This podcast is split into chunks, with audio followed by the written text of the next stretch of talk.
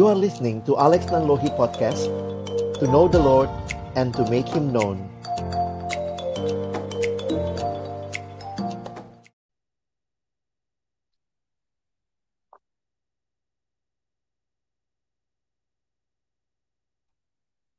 Halo, selamat malam teman-teman. Senang bisa ketemu kembali di YouTube Alex Nanlohi. Dan teman-teman, malam hari ini kita akan bersama-sama berdiskusi, berbincang, saling menginspirasi dengan topik Today a Reader, Tomorrow a Leader. Ya, ini hal yang menarik dalam kehidupan kita, karena khususnya kalau kita bicara di Indonesia misalnya ya, teman-teman orang tua di Indonesia tuh senang banget tuh kalau anaknya bisa baca. Bahkan dari TK kalau bisa sudah bisa baca begitu ya. Namun pas sudah mulai bisa baca, sering kali tidak dibiasakan membaca. Ya, jadi bisa baca dan suka membaca adalah dua hal yang berbeda. Nah, kita sama-sama malam hari ini ingin mendengar, berdiskusi, sharing dengan teman-teman yang juga uh, senang membaca dan juga mereka mungkin bisa membagikan kepada kita bagaimana untuk boleh menjadi orang-orang yang punya minat baca dengan baik. Nah, mari sebelum kita memulai percakapan kita malam hari ini, kita berdoa. Bapak Surgawi, terima kasih karena Engkau Allah yang hadir dalam hidup kami, termasuk malam hari ini dalam siaran bersama-sama. Kami berdoa biarlah siaran malam hari ini Tuhan berkati, melalui setiap bagian yang kami dengar, kami sharingkan, kami berbagi, Tuhan juga boleh memberikan kepada kami sebuah pertumbuhan di tengah-tengah kehidupan yang Tuhan berikan di dalam kerohanian kami juga ya Tuhan. Terima kasih buat kesempatan ini. Waktu selanjutnya kami persembahkan dalam nama Tuhan Yesus Kristus kami berdoa. Amin. Seperti biasa, malam hari ini saya bersama dengan adik saya Ray. Halo Ray, selamat malam. Halo, selamat malam Bang Alex. Gimana? Wah, ini nggak janjian kita ya, agak-agak gelap warna bajunya. Iya nih pakai masih pakai baju rumah. Ray, ini karena karena bicara buku, lalu di belakang jadi buku semua tuh ya. Enggak, aku di rumah tuh nggak punya posisi strategis. Yang pas ya. Nggak punya iya, tembok yeah, yeah. putih yang bisa siaran, bisa belakangnya buat khotbah. Pas gitu, ya. ya udahlah, ini udah ini udah lebih hmm, lebih hmm. lah Oke, gimana hari ini apa yang jadi topik kita dan siapa saja orang-orang yang kita undang? Silakan. Iya, jadi selamat malam buat teman-teman yang boleh ikut join secara live ataupun juga teman-teman yang nanti dilihat siaran ulang. Uh, mungkin tema ini eh, kadang-kadang jadi wacana doang gitu ya. Atau mungkin kadang-kadang jadi klise gitu ya. Kadang-kadang ngelihat kita suka gitu ya ngelihat uh, buku banyak di Gramedia mm -hmm. gitu kayaknya wah gitu. Terus uh, kayaknya kalau ada koleksi buku tuh kayaknya gimana gitu. Tapi ya kadang-kadang uh, akhirnya cuma ya di lemari aja kayak gitu ya kadang-kadang juga jadi kayak uh, ada ringkasannya enggak gitu ya atau ada uh, resensinya kayak gitu tapi iya, iya. aku ingat uh, apa waktu itu baca di satu artikelnya hmm. di Siring God kadang-kadang mungkin emang sih ya dalam membaca kita baca dari awal sampai akhir tapi di dalamnya tuh ada mungkin satu dua kalimat yang akhirnya kita pegang terus gitu ya. Mungkin kadang-kadang kita nggak hmm. habis baca nggak langsung satu buku benar-benar kita iya benar gitu ya. Tapi mungkin di masa ini di season ini bagian yang ini ntar baca ulang di bagian hmm. ini. Nah sekarang pertanyaannya kita sendiri gimana bisa mungkin bisa memulai, bisa memperjuangkan dan aku yakin setiap buku yang kita baca pasti berguna untuk pertumbuhan kita gitu ya. Nah, itu yang mau kita diskusikan bersama dan hari ini kita bersyukur kita boleh kedatangan uh, tiga orang yang uh, mewakili gitu ya uh, siswa mahasiswa alumni. Yeah. Uh, jadi mereka juga bisa membagikan uh, apa pengalaman mereka, uh, cara mereka gitu ya memulai dan membaca itu ya nggak kenal usia gitu ya maksudnya nggak hmm. kalau udah dewasa lah baru baca atau mungkin kalau udah nanti kalau udah kerja nggak punya kesempatan baca waktu sekarang waktu hmm. udah baca jadi sebenarnya ya kapan pun di mana pun kita bisa lakukan itu nah kita akan sambut ketiga teman-teman kita ada yang pertama David yang kedua Steven dan yang ketiga Kak Wian. Halo, selamat malam semua. Halo, selamat malam teman-teman. Halo. Halo. Halo. Bang selamat Alex, malam Bang Ray dan Bang Alex. Iya. Ya, sungguh bersyukur bisa uh, teman-teman meluangkan waktu buat kita ngobrol bareng. Mungkin kita mau kenalan dulu kali ya Bang Alex ya. Iya, benar. kita mungkin kenalan sesuai jenjang pendidikan. Oke, okay. boleh minta David, David boleh kenalan. Uh, kamu apa? Sekarang apa? Lagi ngapain? Kegiatan apa? Silakan David. Uh, shalom semuanya, uh, perkenalkan nama aku David Kristianta, biasa dipanggil David. Saat ini aku uh, seorang pelajar uh, kelas akhir, aku saat ini siswa kelas 12 di salah satu sekolah di kota Depok di uh, eh, SMA Negeri 1 Depok. Uh, pada saat ini mengerjakan pelayanan di Roh Kris. Oke, David. Di David berarti masih SM ini ya belajar jarak jauh lah ya di Depok ya. Iya, Bang. Oke. Uh, kita lanjut dulu. Yang berikutnya silahkan, Steven. Oke, halo Bang Ray, Bang Alex, dan semuanya. Halo. Nama aku Steven, dan sekarang di di rumah aja sih, nggak ke mana-mana. sekarang di rumah aja. Jadi uh, ya sebetulnya masih mahasiswa, dan kalau David tadi tingkat akhir ya, kelas akhir berarti aku kelas tengah gitu ya, kelas tengah kali. Mahasiswa kelas tengah di UI, ya kampusnya masih di sekitar Depok Depok juga. Oke. Okay. Oke, okay, Steven. Uh, fakultas apa, Steven di UI? Boleh kenalan jurusan apa?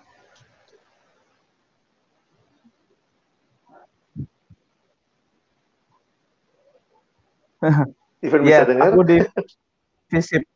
FISIP, oh. Fakultas Ilmu Sosial dan Ilmu Politik, jurusannya Ilmu Politik ilmu politik. Oke. Okay. Oke, okay. thank you Stephen. Ini uh, Dengar, halo, tes. Iya, iya. Oke, okay, ini ada masalah sinyal nih kayaknya. Pertanyaannya. Udah, udah, udah kejawab. Udah. Oke. Okay. Nah, Kawiar lagi coba masuk lagi. Halo Kawiar. Bisa dengar kami?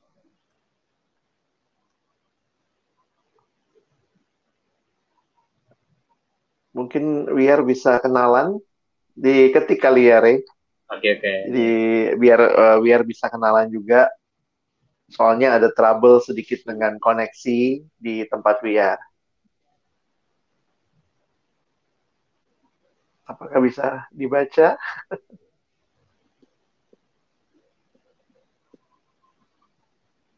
oh ini masih masalah kayaknya. Kawiar kayaknya nggak bisa dengar kita ya. Gak tahu. Hmm. Oh, kayaknya signalnya Kawiar. Steven juga lagi keluar dulu, jadi kita malam ini tamunya David. Oke, nggak apa-apa, sembari nunggu uh, teman-teman yang lain ya. Mereka kayaknya hmm. kesusahan signalnya. Nah, uh, mungkin kita mulai dari ngobrol-ngobrol sama David ya. Maksudnya David kan di SMA, terus kesannya kayaknya ah masa sih membaca gitu ya, kayaknya lebay banget gitu. David mungkin boleh cerita gitu ya, masa pengalaman awal-awal baca buku atau mungkin gimana gitu, maksudnya emang emang demen kah atau kayak gimana ceritanya kalau David sendiri tentang membaca? Kalau aku sendiri sih Bang, uh, sebenarnya memang sedari dulu itu sudah dibiasakan oleh orang tua untuk membaca sejak kecil. Tapi uh, aku benar-benar baru ngerasain punya minat baca itu waktu di SD. Waktu SD dulu aku sudah hmm. beberapa kali baca buku dan uh, di waktu SD itu kemungkin, uh, mungkin lebih kurang aku menghabiskan 3 sampai 4 buku waktu itu selama lebih kurang enam tahun. Yang menurut aku udah cukup wah juga gitu uh, untuk beberapa kali bahasan-bahasan yang cukup berat. Uh, bersyukurnya memasuki SMP dan juga SMA di tengah-tengah uh, kesibukan dalam belajar ini dan itu tetap berusaha buat gimana caranya nyari waktu buat uh, bisa baca buku. Aku sih aku sendiri saat ini rutin sih Bang buat bikin jadwal baca buku sehingga uh, dalam kondisi sangat sibuk atau uh, sibuk dengan tugas-tugas sekalipun aku tetap uh, aku sendiri tetap um, membiasakan diri untuk baca buku. Kayak gitu mungkin bang. Waktu awal-awal tertariknya baca buku apa? Kalau maksudnya dari kan hmm. banyak ya uh, kalau aku sendiri mungkin udah agak lupa sih bang apa buku yang aku baca pertama kali tapi seingatku waktu itu buku yang aku baca adalah uh, buku novel anak-anak, buku cerita anak yang mungkin 30 sampai 40 halaman yang isinya uh, ya cerita-cerita. Aku juga udah agak lupa siapa, tapi waktu itu buku itu uh, disajikan dengan menarik, ada warnanya, ada uh, ilustrasinya, hmm. dan juga ada banyak tulisannya yang bikin aku encourage buat baca buku tersebut. Itu sih bang pertama-tama. Hmm, oke okay, oke. Okay. Ya kalau mungkin aku juga kalau ingat dulu awal-awal gitu juga kali ya bang ya baca komik iya komiknya ada ada kalimat begini katanya ya uh, cuman perlu satu buku untuk kita bikin kita cinta pada kebiasaan membaca. Jadi mungkin apa ya logikanya ada ada buku yang awal yang teman-teman uh, mungkin ya David tadi cerita ya buku anak-anak di mana di situ dia jadi lihat gambarnya tapi juga ceritanya ya. Hmm. Kalau Stephen gimana pengalamannya? Pertama kali membaca lalu seperti apa sampai hari ini? Oke. Oke, tes suaranya oke ya sekarang? Oke, udah oke. oke, aku berharap oke terus nih, karena ini benar-benar nggak bisa dikendalikan. uh, gimana mulai membaca dulu pertama kali aku itu hidup di zaman di mana komik Naruto itu sangat booming untuk anak-anak SD pada waktu itu. Jadi hmm. kalau ada yang pernah tahu atau pernah lihat itu dari mulai Gramedia sampai ke di fotokopi di tukang tukang jalanan dekat uh, eh, SDMY itu itu tersebar lah banyak komik-komik Naruto itu. Jadi dari situ sebetulnya mulai timbul minat bacanya asik walaupun uh, dulu sama sekarang kalau ngelihat komik itu perspektifnya agak jadi beda, tapi itu yang membuat semacam trigger atau pemicu untuk sampai saat ini bisa terus membaca gitu. Jadi memang komik Naruto itu jadi salah satu buku yang apa ya, buku yang mon mon monumental lah pemicu dari semua buku yang sampai sekarang udah dibaca gitu sih. Terus kemudian uh, yang yang selanjutnya itu yang sebetulnya lebih penting adalah Alkitab sih.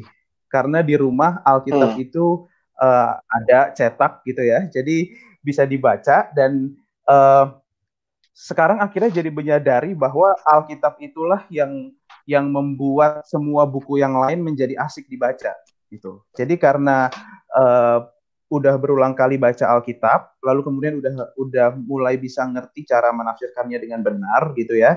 Jadi akhirnya Alkitab itu jadi semacam kacamata atau mungkin lensa mata gitu ya untuk melihat dan membaca semua buku-buku yang lain gitu.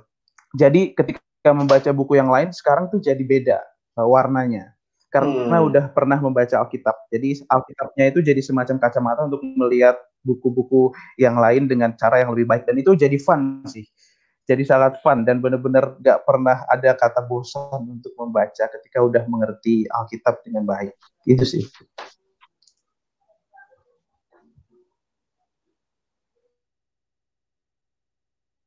Apakah Kak Wiyar sudah bergabung lagi? Masih kesulitan mungkin ya, ya, ya Ray-nya lagi di biar bisa uh, sambil ngomong kedengeran suara kami.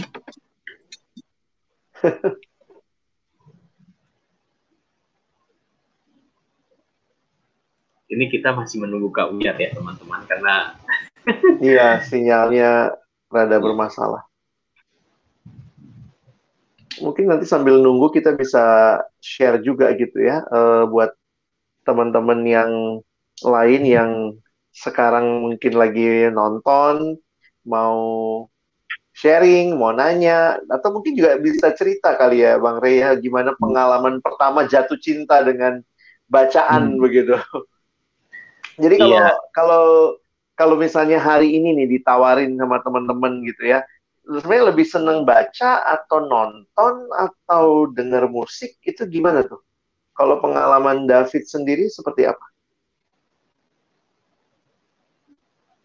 Uh, kalau aku sendiri sih Bang, sampai saat ini aku masih lebih uh, memilih buat membaca dibandingkan kegiatan-kegiatan lainnya karena uh, kalau misalnya di, uh, dibandingkan dengan kegiatan nonton, aku sendiri ngerasa bahwa uh, ketika aku baca itu lebih banyak hal yang bisa aku gali dan juga mungkin aku bisa jadi meningkatkan daya ingatku ketika aku membaca suatu hal dibandingkan dengan kegiatan-kegiatan lainnya sih Bang. Hmm, begitu ya. Oke, oke. Kalau Steven sendiri gimana, Ban? Pengalamanmu seperti apa? Hmm. Jawabannya sama sih ya, karena temanya ini lagi pentingnya membaca, jadi jawabannya membaca. Kalau nanti temanya berubah, ganti lagi jawabannya. Gak, gak.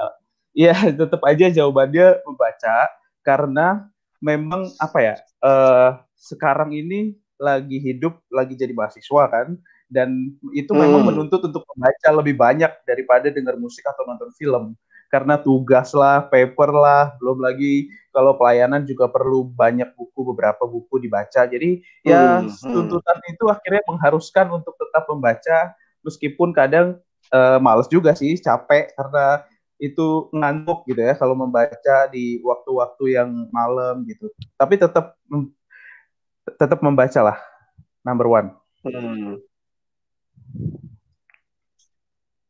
Gimana, Rir? Kak Wiar sudah bareng Oke. kita? Wiar bisa sharing? Kak Wiar bisa dengar? Boleh bisa sambil sharing? Silakan, Kak. Oh iya, sebelumnya mohon maaf tadi memang sinyalku jelek banget, jadi uh, keluar masuk gitu. Uh, aku mungkin kenalan dulu kali ya. Aku nama aku Wiar. Aku dulu alumni FKM UI dan saat ini aku bekerja uh, sebagai staff di salah satu rumah sakit milik pemerintah. Uh, itu aja perkenalan dari aku. Terus kalau tentang pengalaman baca buku awal-awal ya, uh, jujur sih dari keluarga sendiri belum uh, apa namanya membiasakan diri untuk diajari untuk uh, rajin untuk membaca. Aku kenal membaca itu uh, sejak menjadi mahasiswa ya.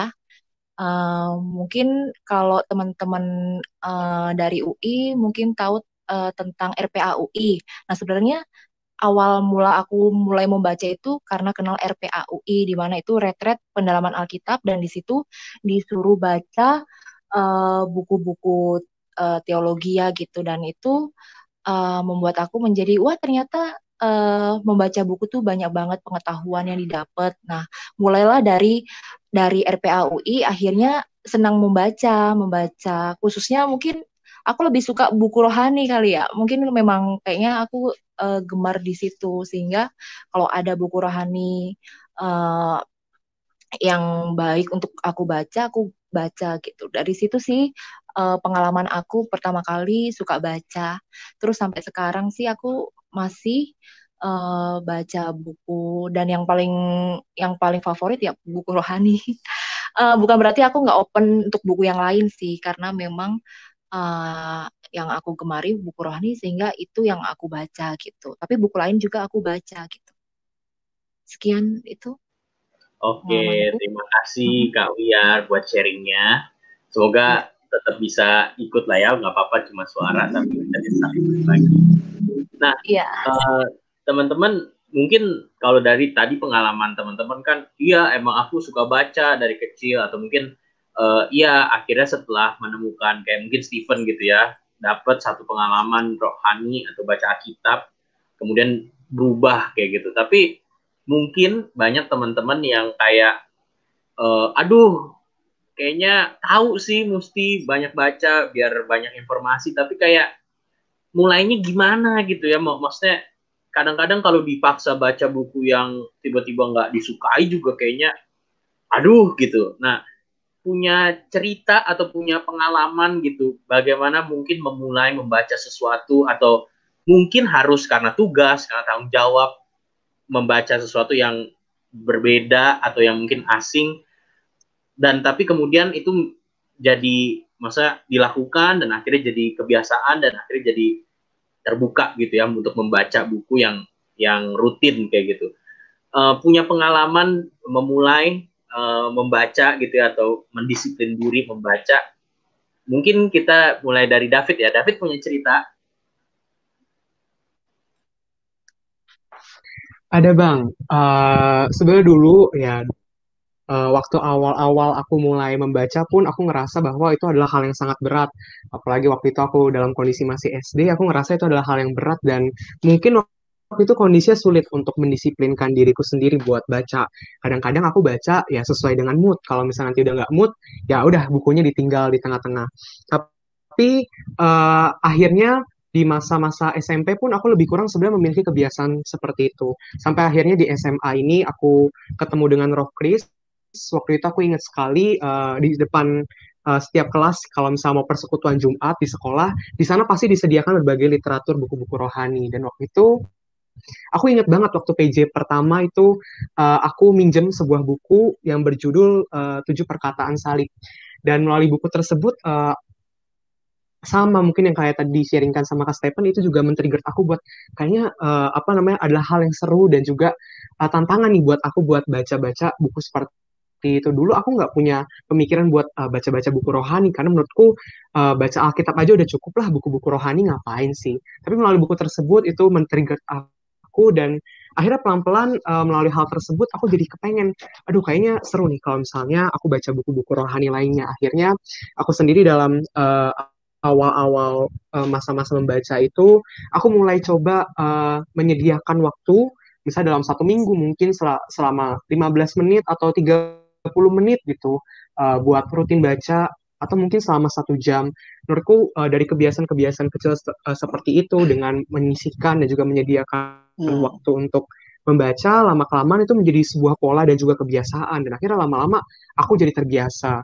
Tapi selain itu juga aku memang bersyukur sejak kecil dari keluarga juga memang sudah diajarkan untuk rajin baca Alkitab. Uh, dan ketika aku dibiasakan untuk membaca Alkitab tersebut, akhirnya aku jadi tiap hari pasti punya kebiasaan buat baca Alkitab, buat saat teduh. Jadi ketika uh, eh, SMA ini aku memulai kebiasaan rutin membaca hampir setiap hari atau setiap minggu, jadi aku nggak terlalu kaget sudah bisa membiasakan dan juga menyesuaikan diri. Kayak gitu sih Bang. Oke, terima kasih ceritanya David. Jadi mungkin dimulai dengan kebiasaan seminggu 15 menit atau 30 menit tadi ya atau uh, sebenarnya kalau kita satu hari 15 menit fokus baca aja sebenarnya itu udah banyak banget ya Bang ya sebenarnya. Betul. Satu bab atau dua bab itu sebenarnya kayak nabung ya, kayak nabung gitu. Oke, terima kasih ceritanya David. Nah, kalau Steven gimana? Ada pengalaman masa memulai membaca atau mungkin saat di posisi kayaknya aduh lagi mager nih, lagi kayaknya nggak minat tentang baca ini. Ada ada cerita tips and trick. Silakan, Stephen. Hmm. Iya, kalau pengalaman sih sebetulnya keberatan-keberatan kita itu kan wajar ya, karena kita ini orang Indonesia dan Indonesia itu menurutku sangat kental dengan oral tradition, tradisi lisan. Jadi memang masyarakat kita itu sangat bukan di kultur kita nggak dikondisikan untuk rajin membaca lebih banyak rajin mendengar gosip lah ini itu kabar burung yang belum tentu benar belum tentu jelas kebenarannya. Jadi akhirnya timbullah uh, tema ini kan YouTube Live ini sekarang gitu. Jadi nah untuk mengatasi hal-hal kayak gitu itu seperti nggak se ada cara lain selain mulai menganggap penting membaca. Itu jalan-jalan satu-satunya ya, mulai menganggap penting membaca. Dan salah satu apa titik balik yang membuat aku akhirnya mulai menganggap penting membaca itu adalah ketika uh, nonton acara TV sebetulnya waktu itu, cuma acaranya lupa apa. Uh, dan di dalam acara itu uh, presenternya atau acara itu bilang kayak gini, buku itu telah mengubah jalannya sejarah. Buku itu telah membuat uh, Eropa yang tadinya berada di abad ke-8, Middle Age, Dark Age, itu menghasilkan masa renaissance, reformasi gereja sampai akhirnya terjadi revolusi industri yang membuat sekarang kita memasuki era modernisasi dan postmodernisme. Postmodernisasi gitu. Jadi poinnya sebetulnya adalah begini, kalau kita ingat dulu misalnya kita yang belajar sejarah, walaupun ini mungkin terlalu sulit ya, tapi uh, kita perlu tahu, kita perlu tahu pentingnya membaca karena buku itu dulu tidak seperti sekarang mudah didapatnya. Karena dulu sebelum penemuan mesin cetak, orang itu sangat kesulitan untuk mengakses informasi-informasi, apalagi ketika informasi itu adanya cuma di kaum elit, rohaniwan pada waktu itu misalnya atau bangsawan. Tapi ketika Gutenberg menemukan mesin cetak, itu akhirnya proses penyebaran media dalam rupa teks itu menjadi lebih cepat kan. Akhirnya mulailah terbit uh, salinan-salinan Alkitab ke dalam bahasa Jerman oleh Martin Luther yang akhirnya mengubah jalannya sejarah. Akhirnya kita bisa berdiri sekarang di zaman modern ini justru berkat adanya penemuan mesin cetak itu akhirnya komunikasi informasi menjadi lebih cepat tersebarkan. Nah, sejak tahu hal itu, aku akhirnya jadi merasa bahwa memang buku itu nggak bisa diremehkan kalau buku dulu pernah mengubah dunia, maka aku yakin sekarang orang-orang yang membaca buku pun juga akan dalam kedaulatan Tuhan, dalam rencana Tuhan, pasti bisa mengubah dunia sesuai peran kita masing-masing saja itu. Jadi itu adalah signifikansinya. Kita kan butuh sense of significance. Kenapa sih membaca itu penting ya? Salah satunya kalau dari aku sih itu. Jadi ketika itu didapat, akhirnya oh ternyata ini hmm. memang benar-benar harus diseriusin dan gak bisa di take it for granted gitu. Terus kemudian kalau misalnya tentang apakah ada eh, kesulitan-kesulitan yang dilalui selama membaca buku ada, tapi kesulitan itu bisa ditangani pada akhirnya dengan cara yaitu punya kacamata tadi karena udah memahami Alkitab, gambaran besar Alkitab. Misalnya nih ya, uh, aku sharing di semester 1 waktu aku kuliah semester 1 itu berarti dua tahun yang lalu itu ada tugas mata kuliah penulisan dan presentasi ilmiah dan itu harus mengharuskan aku untuk membaca banyak buku tentang topik yang aku pilih yaitu homoseksualitas. Hmm. Nah, pada saat aku memutuskan untuk memilih topik itu, itu kan bukunya sangat banyak dan kita butuh seleksi buku, nggak semua buku dan karena waktu nggak bisa dibaca uh, semuanya. Jadi akhirnya ketika makalah itu selesai di selesai dipresentasikan, orang tanya kan, kok bisa baca buku sebanyak itu dalam jangka waktu satu semester? Gimana caranya? Jawabannya adalah ya itu pakai strategi sih. Jadi kita uh, periksa dulu sebetulnya apa yang kita sampaikan dari tema itu misalnya. Lalu kita ya cari di dalam buku itu kan ada footnote, ada bibliografi, ada daftar pustaka. Kita bisa cari sumber-sumber dari buku itu dan beruntunglah kalian yang pernah kuliah di UI sebelum pandemi itu tersedia perpustakaan yang sangat besar yang bisa diakses oleh cuma kartu mahasiswa kalian dan itu anugerah sih untuk setiap para pembelajar, para pecinta buku kuliah di UI itu sangat sangat amazing place karena itu tempat yang disebut sebagai crystal of knowledge dan dan ya itulah yang akhirnya menjadi uh, mungkin semacam tempat untuk belajar, membaca buku dan lain sebagainya. Itu sih, Bang.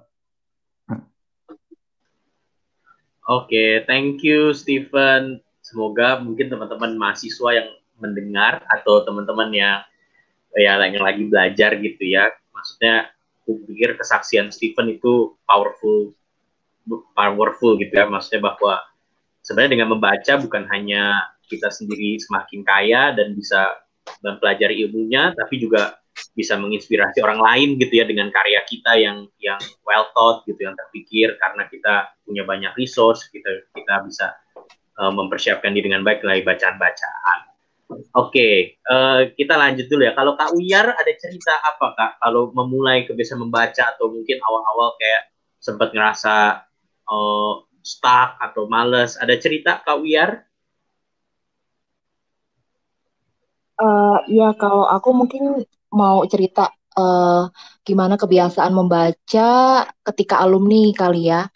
Uh, dulu sih pas mahasiswa itu lebih gampang menurut aku untuk bisa menyediakan waktu untuk membaca dibandingkan pada waktu uh, ketika aku menjadi alumni. Hmm. karena uh, ketika alumni itu uh, waktunya kepake terus dari Senin sampai Jumat. Kalau misalnya kerjanya Senin sampai sampai Jumat terus dari pagi sampai sore dan itu udah sangat melelahkan. Dan inginnya itu istirahat inginnya itu uh, apa ya uh, menghibur diri gitu kan dan lain sebagainya. Nah, awal-awal aku menjadi alumni itu membangun kebiasaan membaca lagi itu mungkin lebih ke arah ini kali ya, memandang bahwa waktu itu uh, harus dipergunakan secara efektif gitu kan. Nah, kebetulan aku kan kalau ke kerja itu kan naik kendaraan umum. Nah, di pada waktu perjalanan dari uh, kosan sampai dengan ke tempat kerja, akhirnya aku manfaatkan uh, waktu itu dengan membaca gitu. Jadi uh, daripada di daripada di kereta itu bengong dan mungkin uh, apa namanya kan nggak banyak nggak banyak yang bisa dilakukan sih di dalam kendaraan umum. Tapi menurutku kalau uh, memanfaatkan waktu dengan membaca itu masih bisa dan uh, itu malah justru bisa menghibur gitu dengan buku-buku yang me, uh, menyenangkan gitu. Kalau aku kan senangnya buku rohani. Nah, ketika aku di dalam perjalanan uh, membaca buku rohani makin menyegarkan dan akhirnya itu memberi semangat ketika dalam bekerja begitu.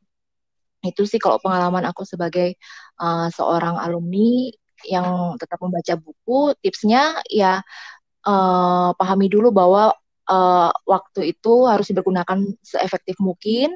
Dan ketika ada waktu di dalam perjalanan yang lumayan itu gunakan untuk membaca buku dan uh, ada rasa ingin penasaran sih. Itu juga kuncinya gitu. Kalau seandainya nggak uh, ada rasa penasaran itu juga kayaknya susah kali ya untuk uh, membaca buku. Rasa penasaran terus rasa ingin disegarkan.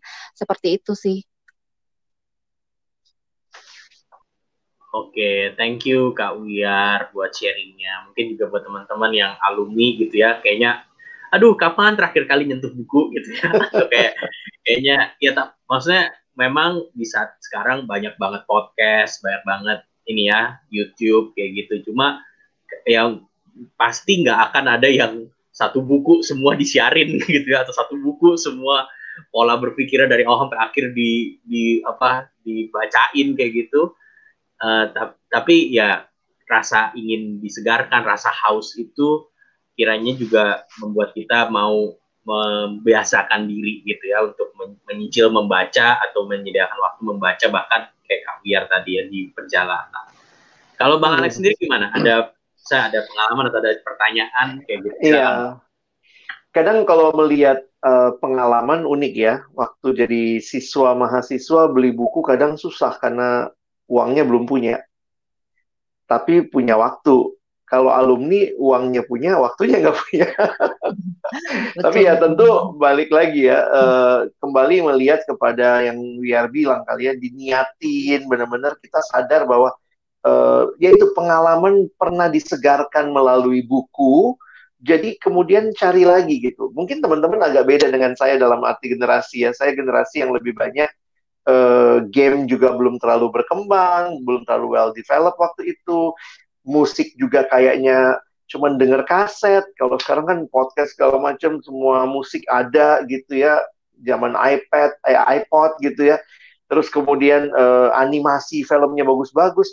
Dulu ya ada film tapi kan cuman nggak ada pilihan ya TVRI misalnya gitu ya. Jadi memang dulu tuh buku tuh jadi temen banget bener-bener kalau saya aku ngerasain jadi sahabat jadi istilahnya gini nggak ada pilihan lain cuman itu pilihannya gitu.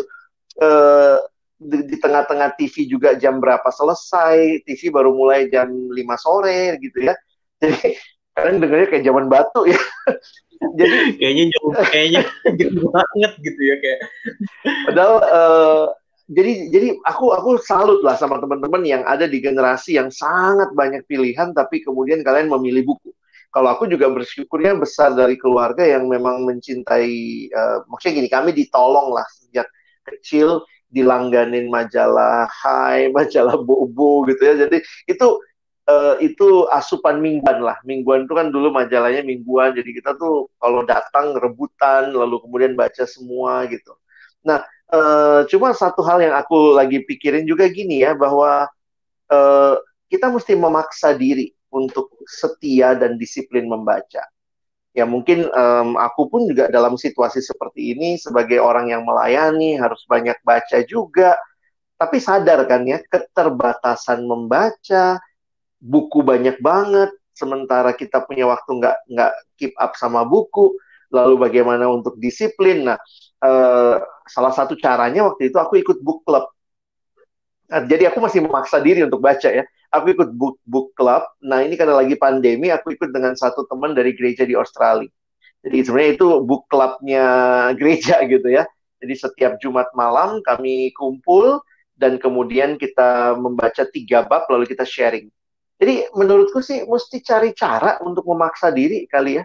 Karena kita ini pada dasarnya juga pemalas gitu ya kita dasarnya orang yang memang pemalas, low motivation gitu ya. Nah, itu mencoba memacu diri itu yang uh, aku pikir waktu itu apa ya caranya ya. Aku membiasakan diri memang setiap hari misalnya membaca uh, eh, 5 sampai 10 halaman. Ya jadi maksudnya rut, uh, rutin aja. Baca apa aja gitu. Nggak apa-apa nanti berhenti dulu besok baca lagi gitu. Tapi di sisi lain aku juga butuh uh, sesuatu yang lebih memaksa. Nah makanya aku ikut book club itu ya. Apalagi wajib baca tiga bab kadang empat baru kita datang diskusi gitu. Dan itu berlangsung selama dua setengah bulan kali ya. Dua setengah bulan kita sama-sama dalam book club itu sampai menyelesaikan satu buku gitu. Jadi aku itu pengalaman ya memaksa diri dalam dalam situasi. Kalau sibuk sih siapa yang nggak sibuk? Semua orang juga bilang dirinya sibuk gitu ya. Gitu kali bang Ray Iya, jadi teman-teman, uh, aku pikir yang Bang Alex sharingin menarik juga ya, punya rekan membaca itu juga bisa jadi cara hmm. gitu ya. Hmm. Uh, misalnya teman-teman sama teman pelayanan atau mungkin teman diskusi atau teman yang masa sama-sama punya interest, mungkin dengan memulai gitu ya, sama-sama punya proyek bareng atau mungkin punya tujuan bareng, itu juga bisa saling memotivasi atau menjaga lah minimal yeah. Iya. uh, tetap kayak Steven bilang gitu ya tetap ingat uh, membaca penting tetap ingat hmm. betapa rasanya disegarkan kayak gitu nah oh, uh, boleh tambahin nggak Rey uh, ya, ya. tiba-tiba keinget juga ya ini ini bukan baru aku lakukan sekarang sih tadi waktu inget-inget mikir juga waktu dari mahasiswa bahkan kalau dari siswa karena aku memang duitku itu paling banyak habis buat beli buku Steven udah ke rumah ya, Ray udah ke rumah ya, udah lihat bukuku ya gitu ya. Di perpustakaan pribadi tuh banyak gitu. Nah, dulu duit habis buat itu. Nah, tapi kan juga gini, kemampuan membeli mungkin bisa, tapi bacanya. Nah, waktu itu uh, aku coba dengan bukan coba ya, waktu itu jadi ingat gini. Dulu ada ketua PMKJ, jadi aku tuh suka datang PMKJ di selatan dulu, Persekutuan Mahasiswa Kristen Jakarta Selatan. Tiap kali datang ke PMKJ, kadang suka datang kecepatan karena nggak tahu mau ngapain di kampus gitu.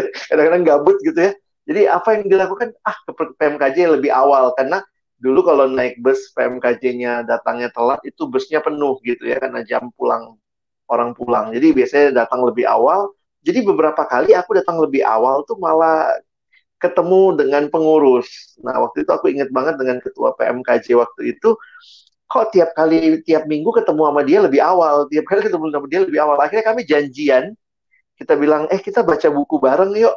Jadi kemudian kita pilih mau belajar topik apa, cari bukunya, kita beli. Jadi setiap kali datang, itu kita sharing gitu.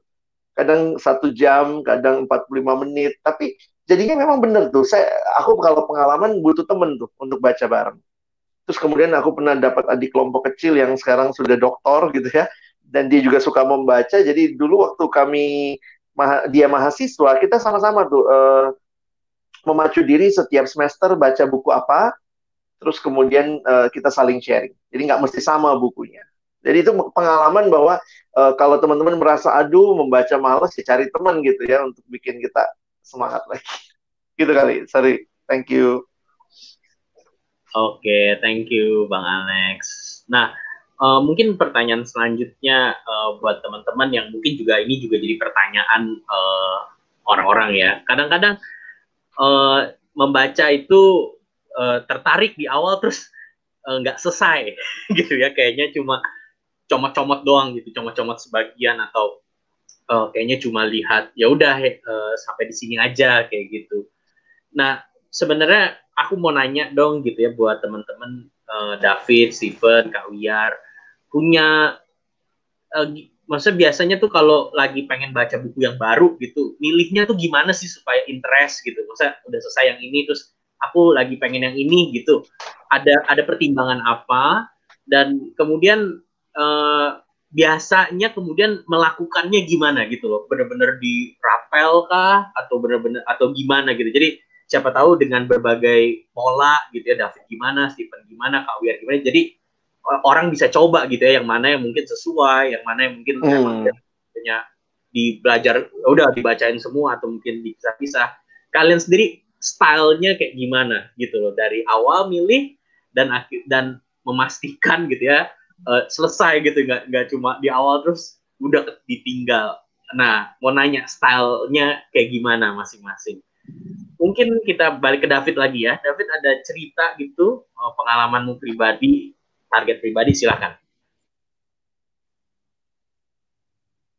Uh, kalau aku sendiri sih Bang, uh, itu merupakan sebuah pengalaman yang uh, dalam perjalanan aku membaca buku beberapa kali aku mengalami hal tersebut yang mana kayak uh, baca satu buku, kemudian di tengah-tengah perjalanan baca buku kehilangan semangat dan motivasi buat baca, akhirnya udah stop dan nggak dilanjutin buku nggak ngelanjutin baca buku tersebut dan akhirnya ya udah udahin aja tuh bukunya. Aku anggap udah selesai ku baca lah padahal sudah belum ku habiskan tetapi uh, setelah melalui proses tersebut aku ngelihat bahwa sebelum baca aku harus benar-benar uh, punya motivasi yang kuat sih dari dalam diriku sendiri. Aku sebelumnya harus punya motivasi dari dalam ataupun dari luar yang mana kayak uh, yang membuat aku pengen buat baca buku tersebut. Misalkan ketika aku milih sebuah buku, ya buku ini saat ini uh, membantu aku. Mungkin saat ini aku memiliki kondisi yang uh, lebih kurang lah lagi uh, dibahas dan juga dibicarakan dalam buku tersebut. Dan ketika ada motivasi tersebut, jadinya makin men-trigger aku buat baca baca dan baca dan tapi dari pengalamanku sendiri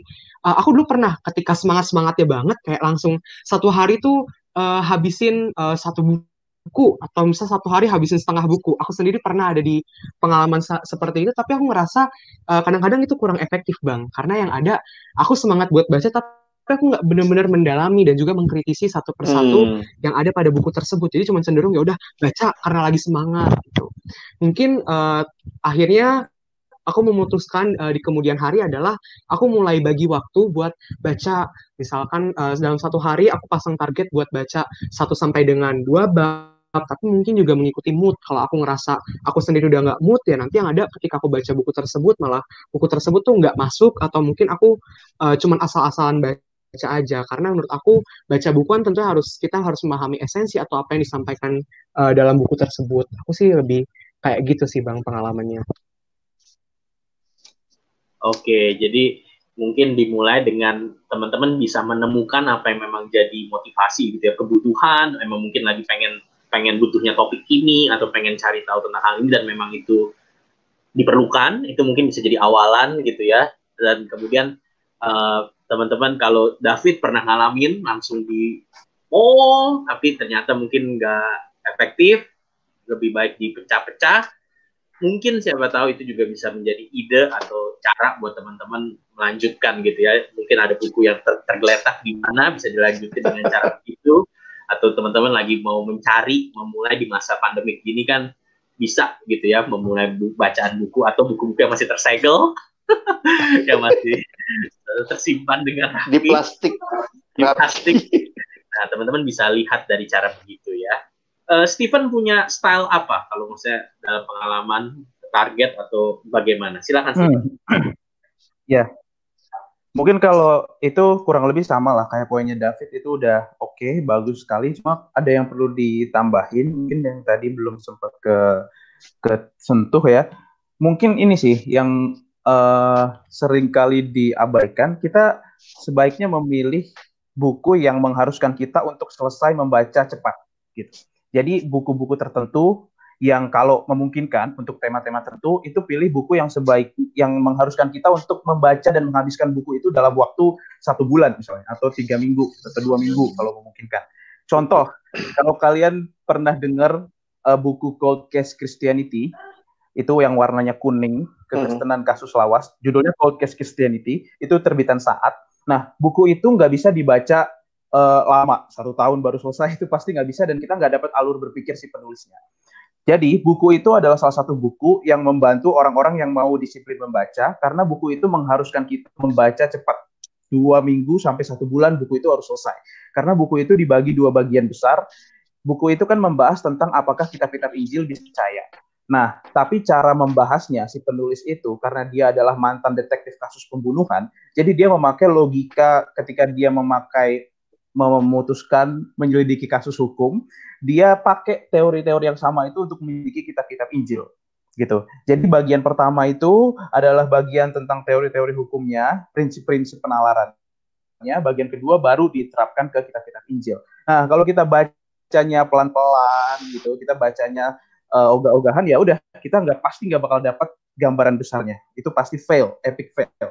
Pasti kita akan merasa buku itu nggak ada nggak ada apa-apanya. Gitu. Dan akhirnya ya pasti kita nggak mau lanjutin lagi.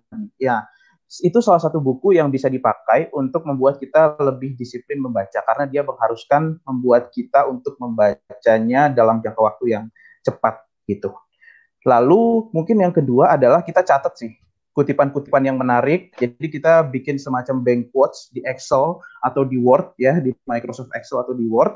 Lalu kita tulis nama judul bukunya, lalu kita tulis uh, kutipan itu apa yang menarik ada di halaman berapa. Jadi membuat kita lebih bisa relate ketika kita jatuh di tengah jalan, misalnya kita lupa, skip karena kesibukan, lalu kita mau baca lagi tapi udah males nggak ngerti jalan ceritanya, kita bisa lihat lagi review quotes-quotes yang pernah kita simpan. Itu strategiku. Hmm. Jadi di laptopku ini ada banyak sekali quotes bank dari berbagai buku yang mempermudah juga kalau kalian mau bikin makalah tentang topik apa pun buat tugas kuliah kan itu bisa tinggal cari dulu pernah baca buku apa, kutipannya ada di mana, copy paste, udah. Hmm. Gitu sih. Oke, kupikir ini uh, caranya Steven ini ya, maksud mengingatkan kita gitu, ada buku-buku yang teman-teman bisa cek uh, pace-nya yang mungkin uh, ini dengan ditargetkan lebih cepat itu bisa mem, mem, apa, membentuk pola membaca. Dan kupikir ya menandai atau menulis quotes seperti yang Stephen bilang itu memotivasi kita sendiri. Dan itu bisa berguna banget buat dibagikan ya. Kalau teman-teman mungkin mau mengajak orang atau mungkin mau membuat orang interest sama hal sesuatu dengan kalian bisa menyimpulkan, bisa bikin quotes itu pun akhirnya berguna buat diri kita sendiri semakin semangat dan mungkin juga bisa membangun orang lain.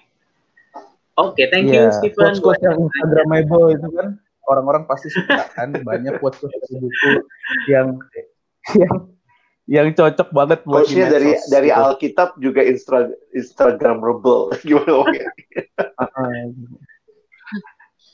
okay. uh, eh, uh, eh, Kak Wiar, Kak Wiar punya uh, pengalaman atau style Kak Wiar sendiri ketika membaca dan akhirnya memastikan bisa sampai selesai ada pengalaman silakan Kak Wia.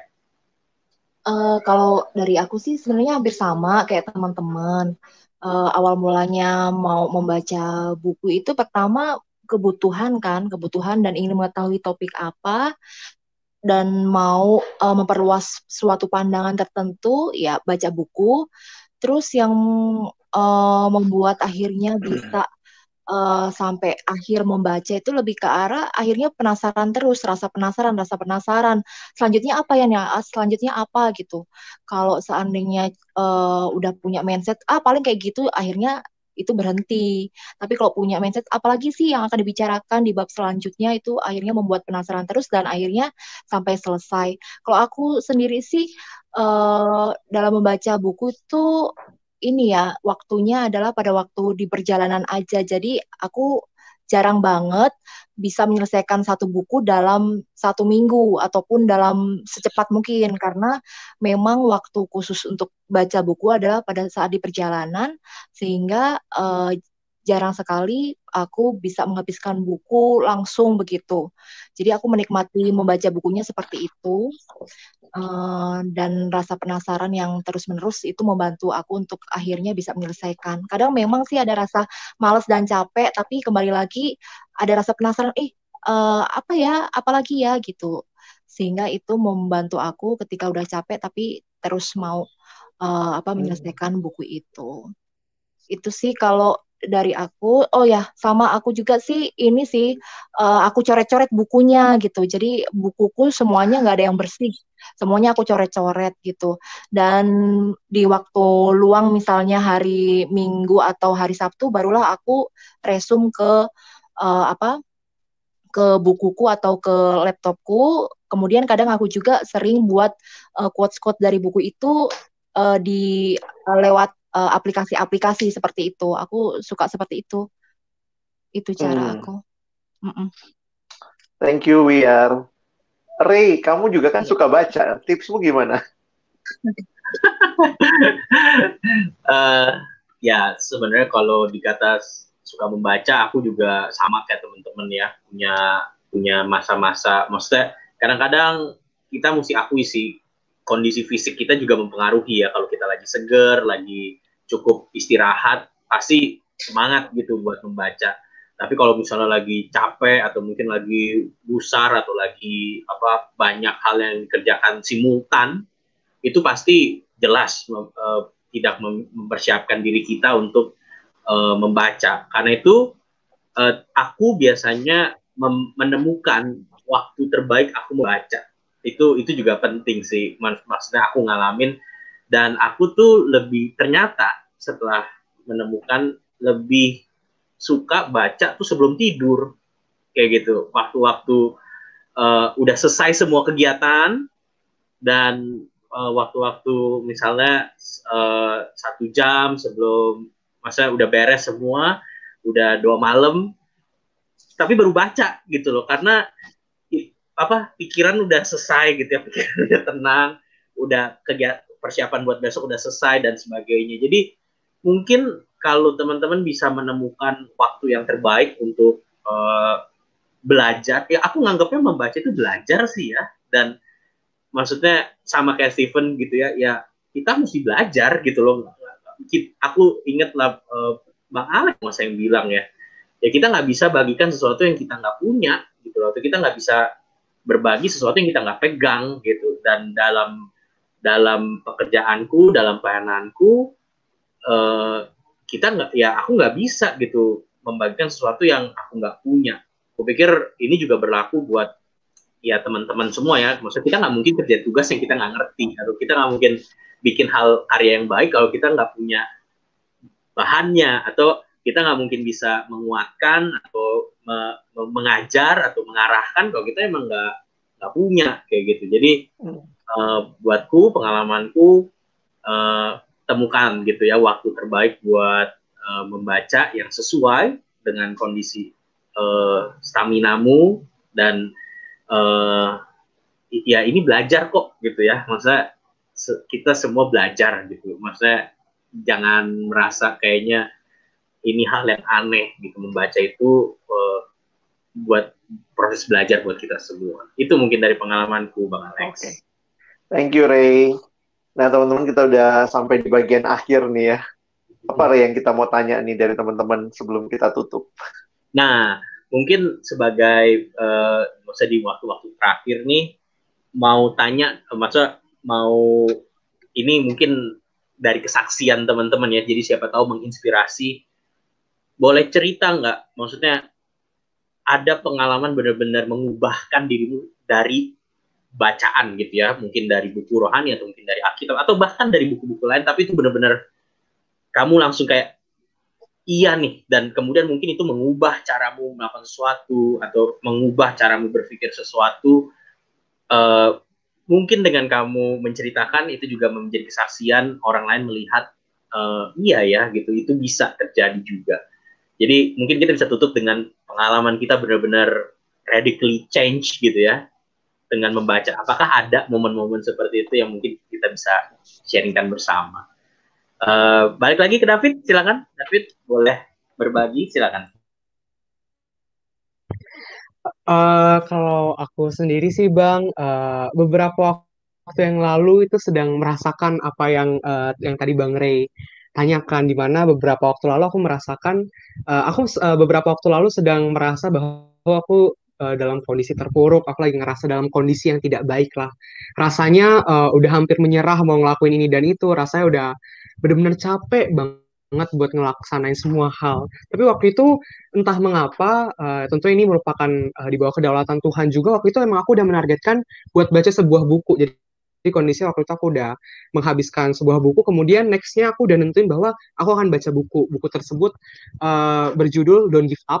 Uh, penulis nulisnya Kyle Idleman di mana uh, di situ buku tersebut uh, aku baru baca uh, selama, aku baru baca selama satu minggu uh, dua minggu terakhir di mana buku tersebut uh, benar-benar menegur aku secara pribadi berkaitan dengan bagaimana dia membukakan kondisi-kondisi uh, yang mungkin uh, terlihatnya kita tidak sedang baik, tapi ketika ditanya orang lain mungkin kita mau tidak mau menjawab baik. Sebenarnya kita perlu belajar terbuka pada Allah bahwa uh, kita mungkin berada dalam kondisi sulit, dan melalui buku tersebut aku merasakan bagaimana memang uh, Tuhan menegur aku bahwa dalam kondisi-kondisi berat sekalipun uh, harusnya aku bisa tetap berusaha dan juga berjuang. Tapi sampai sekarang aku belum menyelesaikan membaca buku tersebut, tapi dari bagian awal buku tersebut aku merasakan itu juga mengubahkan dan juga menegur aku secara pribadi.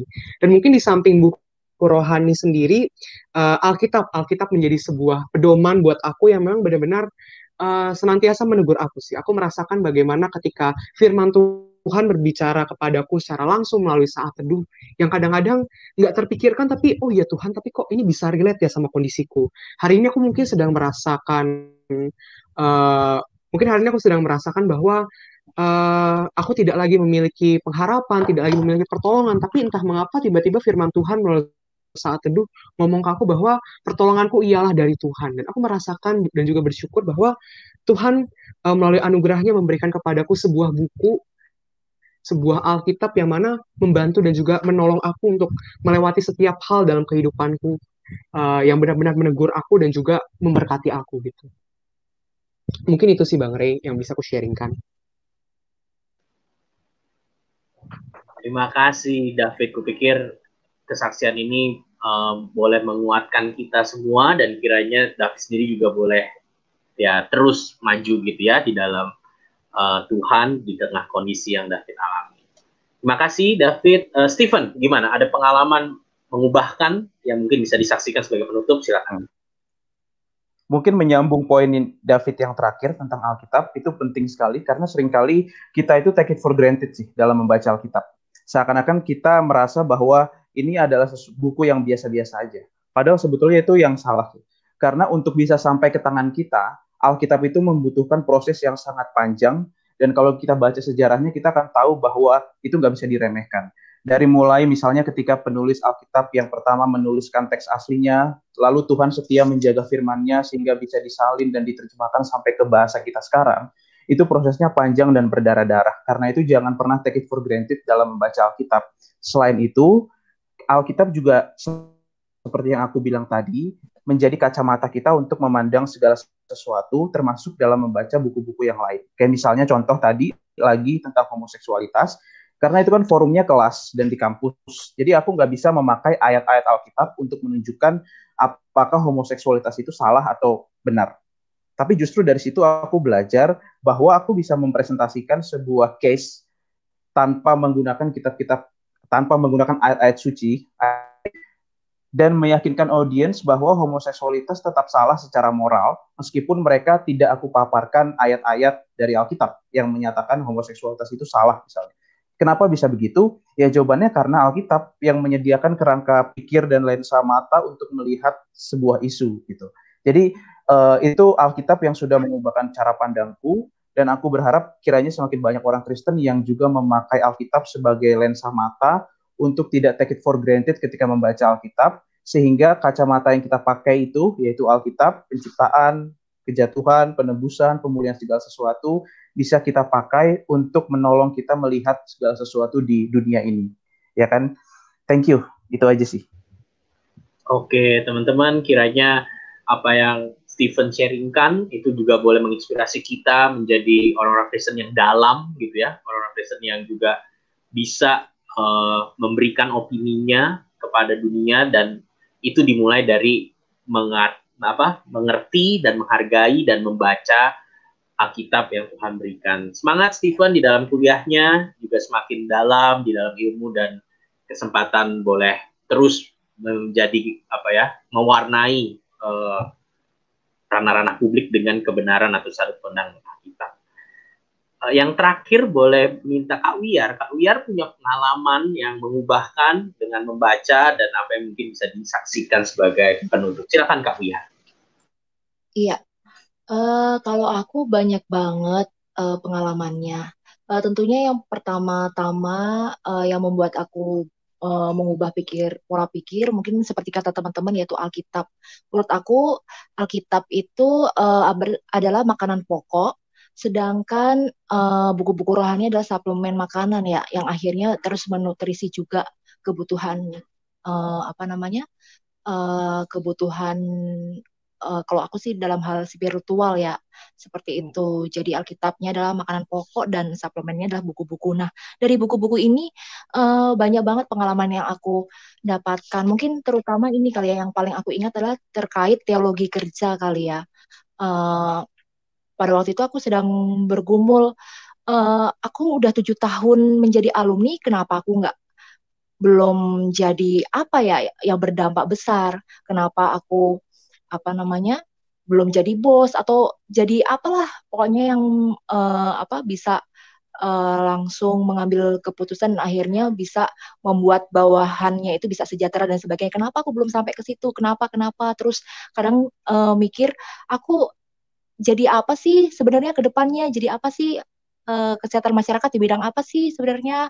Apakah jadi penyuluh? Apakah jadi apa? Pokoknya aku pusing dengan uh, pemikiranku seperti itu. Nah, ketika aku baca buku beberapa buku terkait uh, apa teologi kerja terus terkait uh, apa makna pekerjaan dan sebagainya, aku uh, melihat bahwa ternyata uh, janganlah kita dipusingkan untuk menjadi uh, gelar tertentu gitu misalnya jadi dokter jadi perawat jadi hakim seperti apa dan dan sebagainya tapi coba uh, pertanyakan apakah semua tindakan yang kamu lakukan adalah membela keadilan. Apakah uh, punya kasih di dalamnya lebih ke arah hmm. segitu. Jadi akhirnya uh, aku nggak memusingkan untuk padahal itu hampir aja aku hampir uh, apa desperate karena aku kenapa nggak jadi apa-apa kenapa nggak jadi apa-apa tapi lewat buku itu aku akhirnya uh, menyadari bahwa oh iya yang perlu aku pertanyakan adalah bukan aku menjadi apa tetapi uh, apakah aku sudah memperjuangkan keadilan, apakah aku sudah menunjukkan kasih dan lain sebagainya, lebih ke arah nilai-nilai Kristiani itu.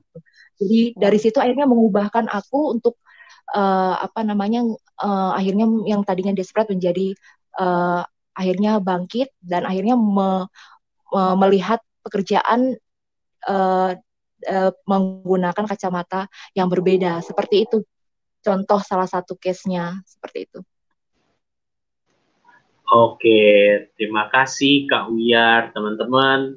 Kupikir Tuhan izinkan krisis di hidup kita itu juga bisa menjadi panggilan gitu ya atau reminder buat kembali dan ya salah satu bentuk kembalinya adalah mulai dengan kembali membaca baik itu mungkin firman Tuhan dan juga buku-buku atau ya karya-karya uh, orang lain yang yang bisa menolong kita untuk semakin menyadari Tuhan yang bekerja dan terlibat dalam hidup kita kiranya semua uh, obrolan atau pengalaman atau bahkan style gitu ya, tipe-tipe yang tadi kita udah bahas itu memberikan banyak uh, pilihan atau juga menginspirasi teman-teman untuk mencoba mencari sendiri gitu ya, kebiasaan atau uh, disiplin seperti apa atau bahkan ya relasi dengan siapa yang bisa dikembangkan supaya kita boleh terus uh, seperti tema kita gitu ya. Kita belajar sekarang kita baca sekarang dan semua yang kita baca di dalam kasih Tuhan itu bisa menjadi berdampak atau dipakai Tuhan menjadi saluran berkat buat orang-orang sekitar kita. Uh, mungkin Bang Alex ada penutup sekaligus nanti mungkin bisa doain kita semua kali ya Bang ya untuk yeah. Iya. uh, silakan Bang. Iya, saya pikir kesempatan ini jadi indah ya buat kita juga saling menyemangati dan uh, thank you teman-teman tadi uh, bisa melihat salah satu disiplin rohani kita adalah membaca firman Tuhan dan ada kalimat yang indah yang menarik yang juga mengingatkan bahwa banyak orang minta Tuhan nyatakan kehendakmu, Tuhan nyatakan kehendakmu, tapi dengan Alkitab yang tetap tertutup.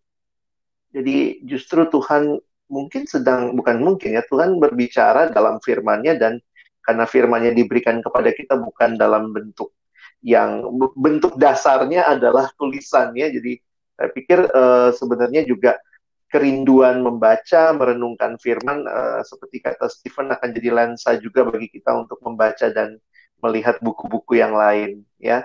Thank you buat sharing teman-teman.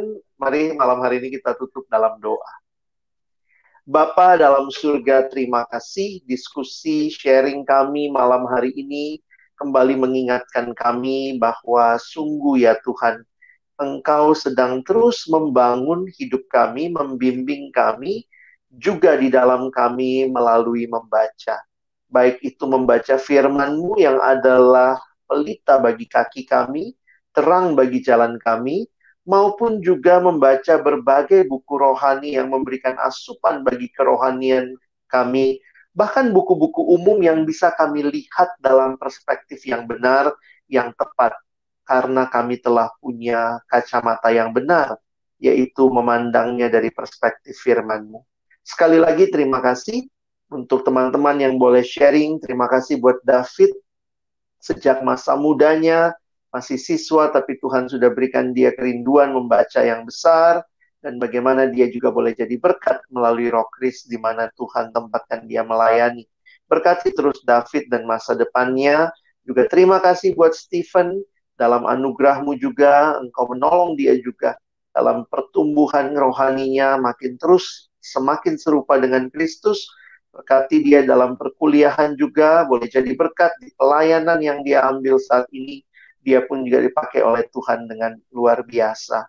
Bersyukur juga buat Wiar yang kami sadari di tengah-tengah kehidupan alumni yang makin tidak mudah, waktu yang makin terbatas, tapi ada kerinduan yang dalam, terus bertumbuh, terus kenal Tuhan.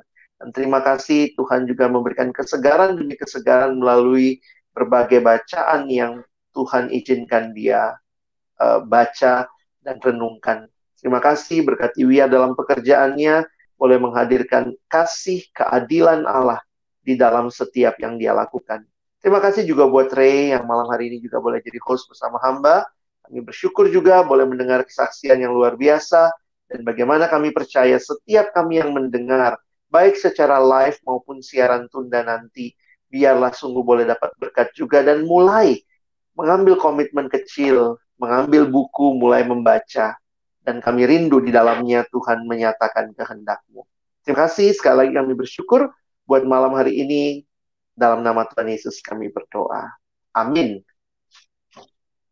Amin. Oke. Okay. Terima kasih, Alex. Thank you, teman-teman. Terima kasih. Thank you juga, Mbak Alex. Semuanya. Jangan Thank lupa you, minggu depan kita akan kumpul lagi. Kasih, Bang Alex. Nah, temanya Makasih Bang. Temanya agak menarik ini ya. Minggu depan kita akan bicara tentang bagaimana kita mencari pekerjaan di tengah-tengah pandemi. Ya, tips-tips bagi mungkin teman-teman para alumni yang lulusnya ini ya sarjana pandemi gitu ya. Kita akan coba diskusi minggu depan dan berharap teman-teman juga bisa sharing dan uh, boleh menginspirasi satu sama lain. Thank you, sampai ketemu semua. Bye. Bye, thank you. Bang Alex.